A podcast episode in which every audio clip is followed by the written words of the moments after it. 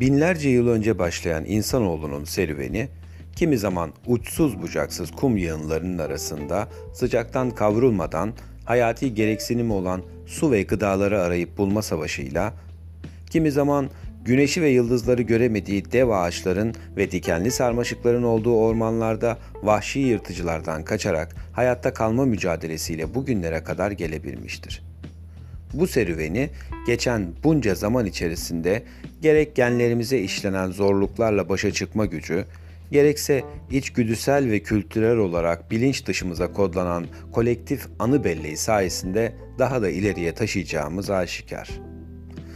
Varoluş tarihi boyunca kişisel ya da toplumsal olarak büyük gelişmeler ve atılımlar gerçekleştiren bizler, yine tarih boyunca gerek bir kaynağa bağlı, gerekse orijini belli olmayan tuhaf korkular, yaratılış itibariyle çift kutuplu olan bizler bazen hangi kutupta ne kadar zaman harcayacağımızı hesaplayamayarak ruhsal hastalıklar, birbirimizi daha iyi kontrol etmek içinse tabular ve bu tabulara bağlı batıl bağımlılıklar icat etmişiz. Sonra da kendi zihinlerimizi yine kendi içine hapsederek her hücreye isimler koymuşuz. Mesela gerçekleştirilmesi imkansız veya birey olarak ulaşılması zor olan hedeflerin başarısızlıkla sonuçlanması ya da var olan anlamının dışında normalin üstünde ve beklentilerin çok üzerinde anlam yüklenmesi neticesinde depresyonu bulmuş olabiliriz.